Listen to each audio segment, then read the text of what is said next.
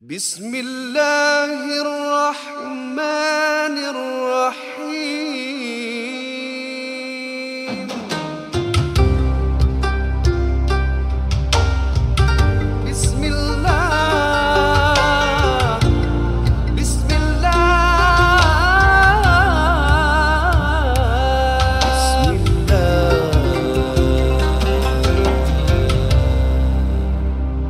Bismillahirrahmanirrahim. Assalamualaikum warahmatullahi taala wabarakatuh. Waalaikumsalam warahmatullahi Apa wabarakatuh. khabar? Apa khabar Ustazah Nurul Izzah? Alhamdulillah baik. Ustazah sihat, Ustazah Sihat, Kalsum. Alhamdulillah. Masya Saya Allah. tergesa-gesa lah hari ni. Mudah-mudahan Eh, Ustazah ya Allah. Taala berkati masa Amin. Ustazah. Masya Allah. Amin. Eh, InsyaAllah anti pun sama. Amin. Semua kita ada perjuangan masing-masing. Allah. Eh, uh, tak ada yang kurang, tak ada yang lebih. Yang penting uh, ibadah kepada Allah Subhanahu Wa Taala tu berbuat baik kan? Ikut sunnah Nabi tu sentiasa kita jagalah InsyaAllah. eh insyaallah. Okey. Mudah-mudahan. Amin. Macam Ya. mana hari-hari ni? Hari ni apa yang um, apa misalnya benda-benda yang Izzah buat baru ke? Ada benda baru ke? Apa Baru? ke ke sama je? Hmm, Yelah hari-hari rutin kita lebih Hari-hari kurang eh ni sama eh insya-Allah. Pagi eh. Ha, yang penting uh, pagi-pagi bangun dah baca Quran lah insya-Allah Ya, kan insya-Allah. solat baca Amin. Quran mudah-mudahan lah istiqamah lah Ya, insya-Allah amin. insyaAllah istiqamah. Okey, sebelum kita buka Okey. tu apa Izzah? Ah itu saya serah pada Ustazah Kasum. Ah, Story Show.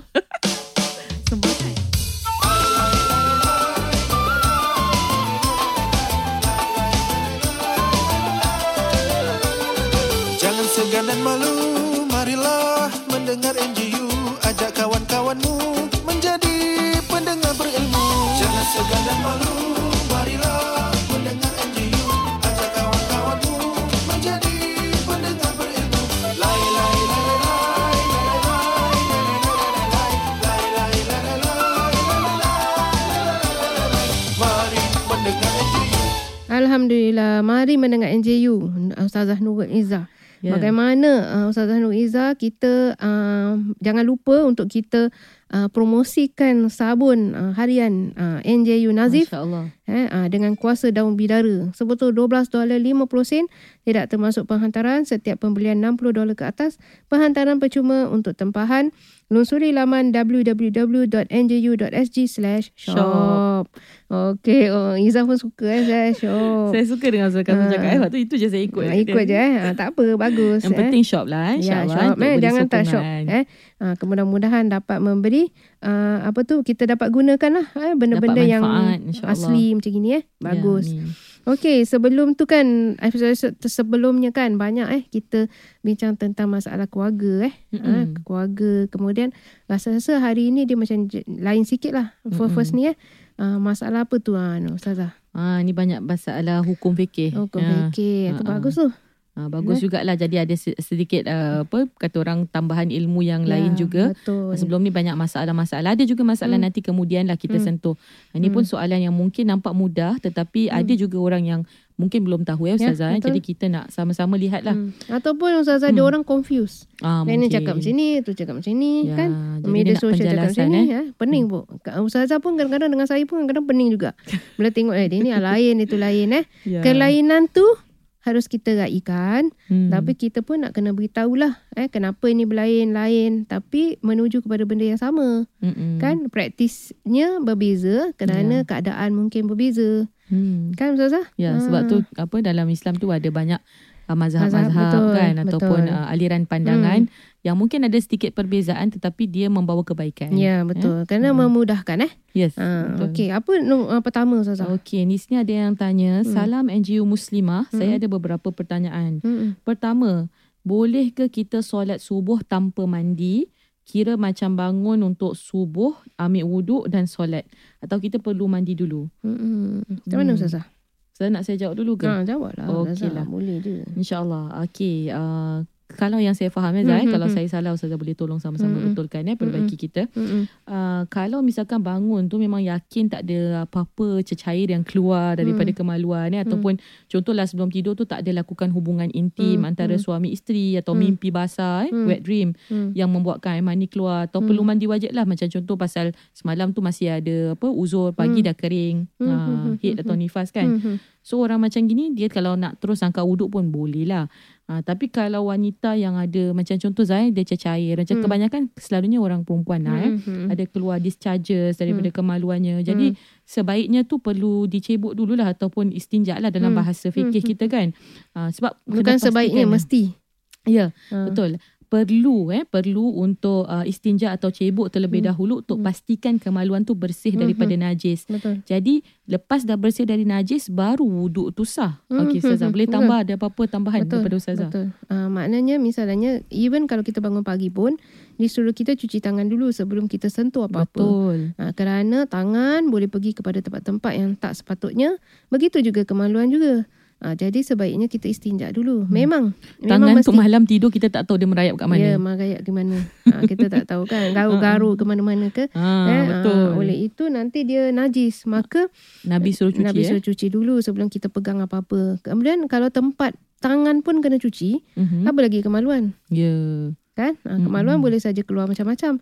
Dia keluar pun kita tak perasan. Ya. Ha, jadi ha, kita tuk, ha, kita pergi istinja dulu kalau kita ada panty liner kita tukar Hmm. kan ha, ataupun ha, apa ha, pakaian dalam kita kita bersihkan dulu Betul. tukar yang lain kalau kita rasa tidak ses- sesuai ataupun kita was-was Ya. kan lepas tu kita boleh ambil wuduk saja ha, tak perlu mandi melainkan tadi Ustazah Nurizah cakap Hmm. mereka tu menanggung hadas Ya. ha, jadi perlu mandi hadas besar Mm-mm. kan hadas Macam- besar pun boleh saja dia nak cakap saja aku mandi hadas besar kerana Allah Taala ataupun dia nak spesifik head uh, nifas uh, apa junub. uh, junub Mhm. uh, boleh saja itu semua adalah di bawah hadas besar Ya, kan betul Ustazah. hmm.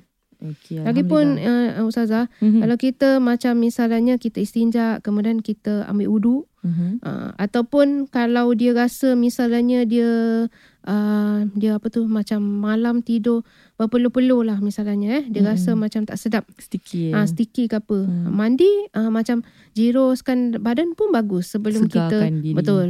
Eh sebelum kita ah, ambil kita solat. Jadi Hmm. segarlah. Mm-mm. Jadi tak macam lesu dan sebagainya. eh. Jumpa Allah kan Mm-mm. dalam keadaan baik tu bagus. Allah. Ah, Memang betul lah. Maksudnya mandi kalau yang tadi Ustaz Kasun cakap tu mandi mandi biasa lah. Eh. Mandi Mandi yang biasa. Ah, mak nak mandi setengah ke, Atau nak mandi kalau cowboy kata orang pun kalau boleh. contoh hari tu memang contoh hari Jumaat lah. Macam Hmm. esok eh. Contoh hari Hmm. Jumaat. So hari Jumaat tu kan memang apa ni dapat pahala kalau kita mandi sunat kan. Hmm. Ha, jadi boleh juga kalau kita nak mandi terus pada Hmm. pagi tu contoh. Hmm. Tapi tu mandi sunat lah. Kalau tak nak pun tak ada masalah. Tak ada masalah. Hmm. Misalnya kalau dia dah mandi sampai nanti dia malas pula. Dia kalau gini tau eh, Ustazah. Ya. Kalau kalau mahal uh, solat tu sebenarnya dia tak berapa berat sangat tau. Hmm. Yang berat tu mukadimah dia nak ambil wuduk tu. Hmm. Eh? Kan pagi-pagi Ah. buang angin lah. ha, kan ha, jadi macam bila orang nak dengar nak ambil wuduk nak ambil wuduk alamak ni yang masalah ni nak buka tu buka ni kan Hmm. kalau sembahyang kalau kalau rasanya kalau kita bangun tidur je terus sembahyang rasanya banyak orang boleh buat. Oh. Tapi pasal bangun nak kena ambil wuduk, kena air dan sebagainya kan.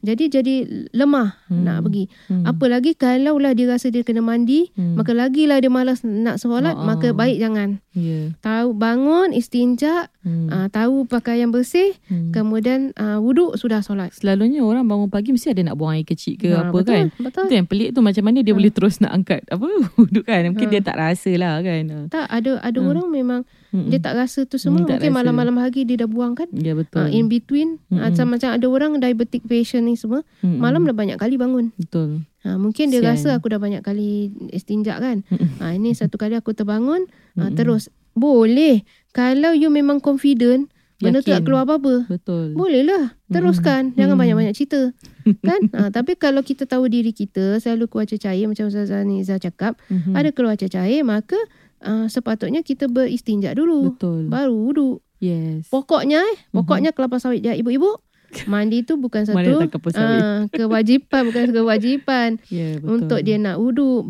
Janji sebelum dia masuk wuduk dia ber- Sebelum dia berwuduk tu Dia bersih Ya. Daripada najis Mm-mm. kan baik yang uh, di, di sekitar kemaluan ataupun baju pun nah sudah uh, simple-simple saja Alhamdulillah. okey Saya Hmm. rasa penjelasan yang diberikan oleh kami berdua insya-Allah lah sudah Boleh. jelas eh Ustazah. boleh Eh? betul Okey. Maka kita masuk kepada soalan seterusnya ya boleh? boleh boleh Okey, ada kaitan jugalah eh. hmm. Uh, soalannya tentang cara-cara mandi hadas dengan betul. Hmm. So orang ni dia kata Hmm. uh, adakah caranya macam yang pertama niat, Hmm. kemudian wuduk, kemudian mandi hadas macam macam biasa dia kata Hmm, hmm. atau uh, niat niat dulu kemudian mandi uh, kemudian wuduk. Hmm. Uh, so apa ni jadi macam mana dia punya soalan? Hmm.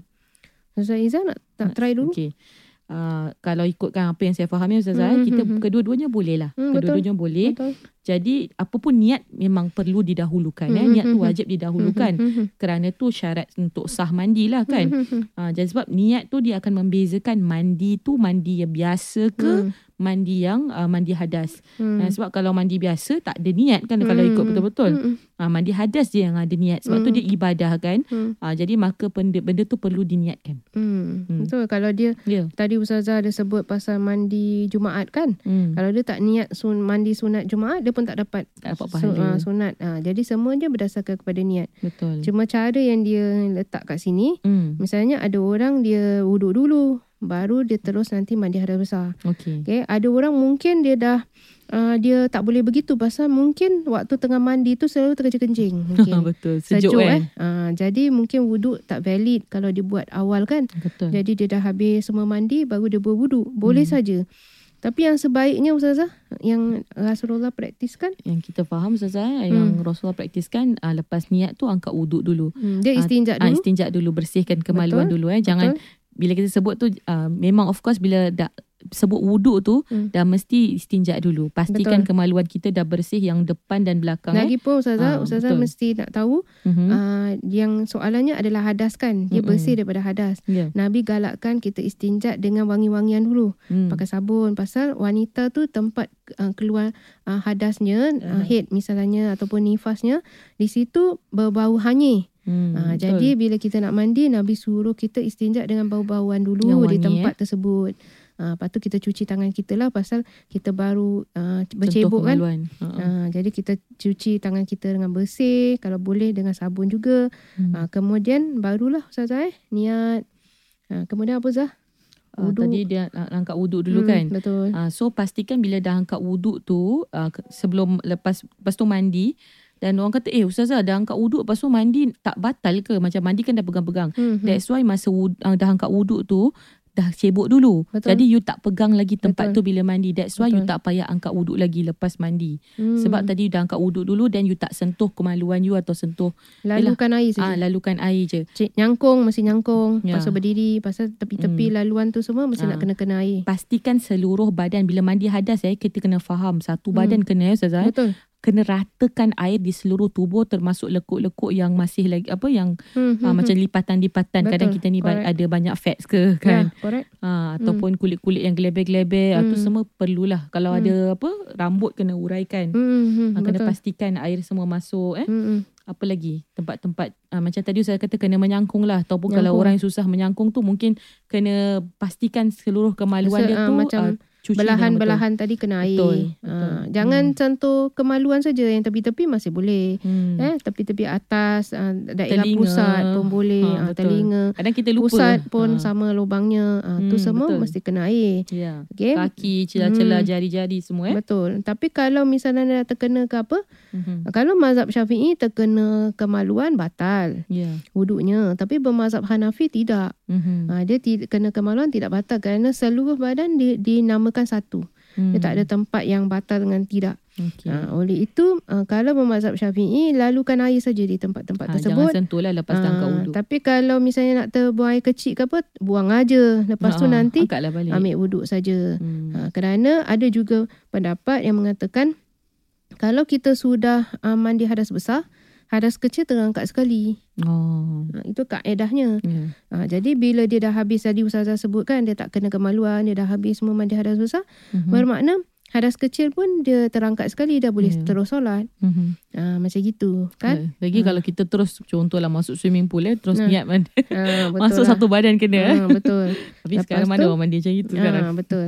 Kemudian ada juga uh, hadis yang mengatakan Nabi tu bila dia ambil wuduk, dia tak cuci kaki dulu. Mhm. Uh, dia waktu dia dah cuci telinga, Mhm. kemudian dia stop, dia terus cuci uh, mandi hadas besar daripada kepala. Okey. Uh, turunkan air semua kena. Mhm. Last kali dia cuci kaki. Ah. uh, untuk uh, menjaga air supaya tidak membazir. Pasal at the end of the day kaki nanti last kan Oh. pun akan cuci juga. Ah, Okey. jadi itu ada ah, satu hadis yang mengatakan Nabi mandi seperti itu. Terima kasih Ah, Allah. kemudian ada juga- eh, tambahan. Ada juga yang kita tak buat wuduk dulu ya Ustazah eh. Mm-mm. Kerana kalau orang biasa istihadah, Mhm. Istihadah ni istihadah ni yang macam uh, darah keluar lebih daripada masa maksimum head, eh. 15 Seperti hari eh. 15 hari. Hari ke-16 dah kena mandi hadas besar. Hmm. kan? Dah tak kira hit lagi Dah eh. tak kira head lagi. Kemudian dia tu mestilah setiap kali masuk azan, dia Mhm. kena istinja, tukar pad dia, Mhm. kemudian dia ambil wuduk, kemudian baru Mhm. dia boleh solat. Ya. Okay. M- mungkin waktu tu dia mandi belum ada a- apa-apa uh, so- solat, yang Solat. hendak dia lakukan, Mhm. maka dia boleh sajalah tunda dulu dia mandi hadas besar saja dia nak cover tu. Pasal orang istihadah ni uh, ustazah Mhm. uh, berat bagi diri dia pasal setiap kali dia nak kena ber- ulang balik wuduk dia. Dia tak Mhm. boleh simpan.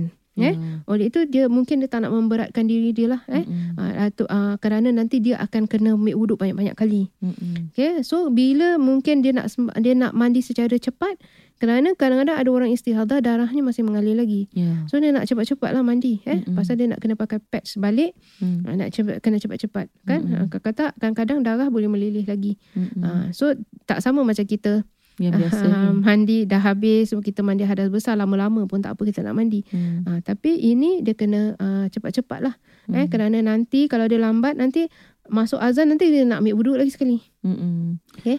Ya, orang istihadah ni dia apa kena angkat wuduk bagi setiap solat eh. Betul. Solat fardu lah. Hmm. Tapi kalau contoh dia dah angkat wuduk untuk contoh lain solat Hmm. zuhur, Hmm. kemudian dia nak buat solat sunat yang lain eh, solat Boleh. sunat zuhur, ah, itu Hmm. boleh, tak ada masalah. Hmm. Ha, ni cerita pasal istihadah sikit lah kan. Hmm. Istihadah ni kira tadi macam Ustazah dah Hmm. terangkan, Ustazah Hmm. Kasum kata Hmm. dia bukan uh, head eh, dia di luar waktu head, something yang extra. Ya. Ha, jadi Hmm. ni kira darah Sakit lah penyakit. penyakit. Ah, darah Hmm. penyakit eh. Perlu cek lah. Mm-mm. Kalau dia terlalu banyak sangat dan selalu sering, Mm-mm. perlu cek kepada doktor Ya. kerana kadang-kadang darah yang terlalu banyak sangat keluar, dia adalah uh, ada kalanya adalah uh, kanser lah. Allah. Eh, uh, kanser di rahim tu maka kita nak kena pergi cek. Apa-apa pun pergi cek eh. Hmm. Uh, tak mau takut-takut lah. Mm-mm. Sebagai orang perempuan ni memang banyak lah. Dia su- banyak pantang larangnya semua tu kan. Ada je lah eh. Keluar keputihan, keluar tu, keluar ni. Hmm. Oleh itu orang-orang lelaki ni mesti nak tahu jugalah hukum fiqah ni. Hmm. Uh, menyenangkan orang perempuannya. Kalau orang perempuan tak tak faham eh, bingung dan sebagainya.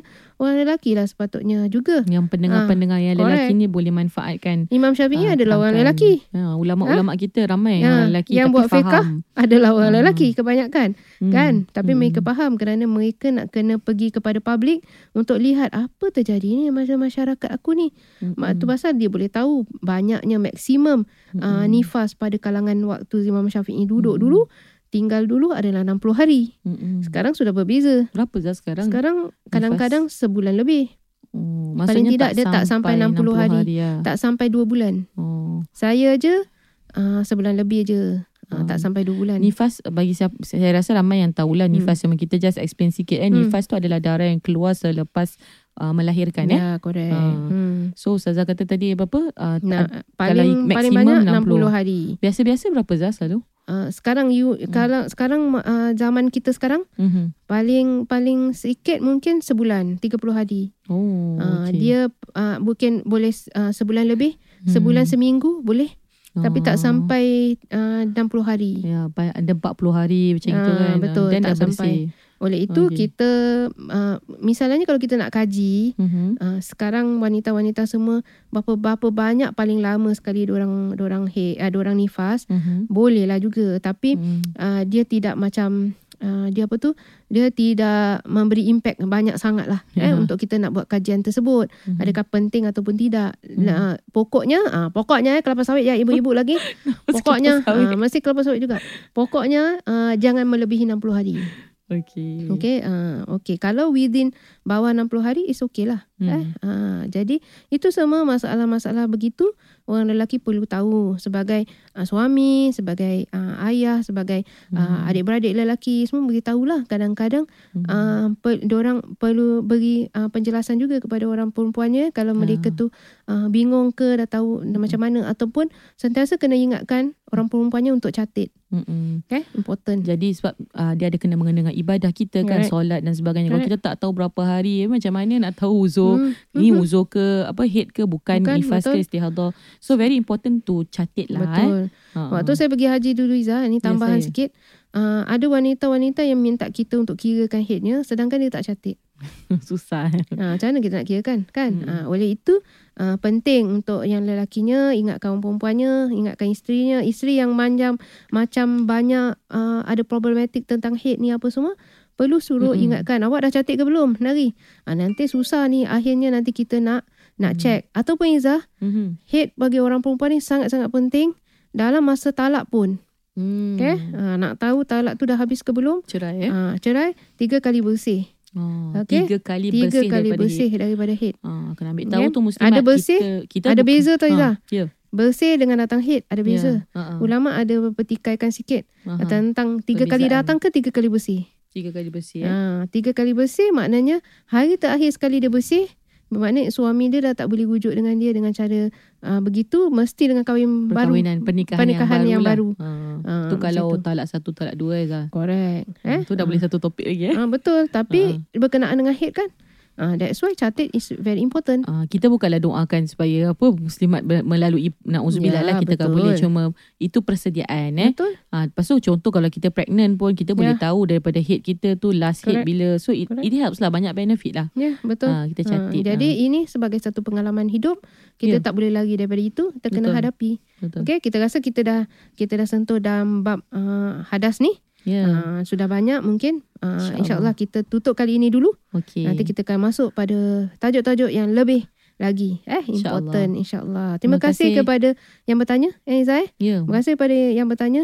Terima kasih kepada um, acara kita hari ini yang uh, yang abang kat luar tu abang handsome tu yang uh, apa uh, kendalikan kita punya um, uh, podcast kita hari ini eh eh. Recording Terima kita. kasih eh. Semoga dia. dia pun dapat pahala Ya sama-sama. betul dan saya doakan Izzah juga dalam keadaan Amin. sihat. Mudah-mudahan Ustazah kita pun. dapat teruskan pada Amin. masa-masa yang akan datang insya-Allah. Amin, Terima kasih pada semua yang mendengar. Ya, terima Ah, kasih. di mana pun anda berada dalam kerja ke uh, dalam uh, Di apa rumah di ke? rumah ke home home from uh, work from home eh Mhm. uh, work from home ke ataupun sudah balik kepada pekerjaan semula uh, jaga diri eh dan juga uh, apa be safe eh Ah, InsyaAllah. be Stay safe, everyone. stay safe kemudian jangan uh, dedahkan diri kepada bahaya, uh, bahaya. okey InsyaAllah. assalamualaikum warahmatullahi taala wabarakatuh Waalaikumsalam warahmatullahi wabarakatuh.